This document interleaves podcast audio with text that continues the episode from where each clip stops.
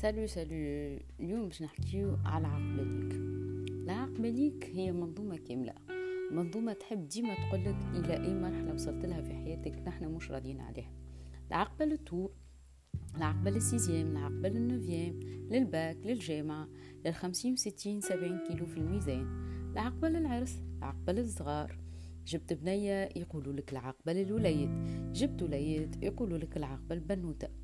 كريد دار يقولوا لك الكري خايب وهي العاقبة للملك والعاقبة تشري فيلا وكانك تعيش في قصر فالعاقبة تبني فوق القمرة. العاقبة لكل حكاية والمهم ما تفرحش باللي أنت فيه.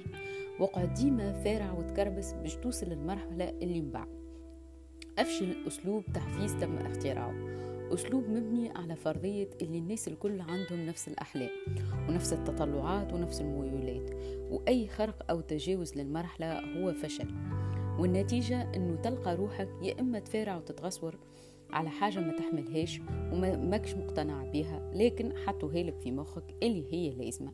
يا إما إذا كان تعيش على زي راسك باش تقعد بطبيعة الحال فاشل في نظرهم العقبة ليك هي سبب تعاسة برشا عباد للأسف. أنا نقول العقبة للناس الكل باش يخرجوا مك القالب ويعيشوا كيما يحبوا ويرسموا حياتهم ومستقبلهم على كيفهم. وتوا وقتها يمكن نشوفوا عباد تضحك الصباح من القلب ونسمع حكايات جديدة. ويمكن زايدة وقتها تتنحى منظومة العاقبة ليك الرديئة ميرسي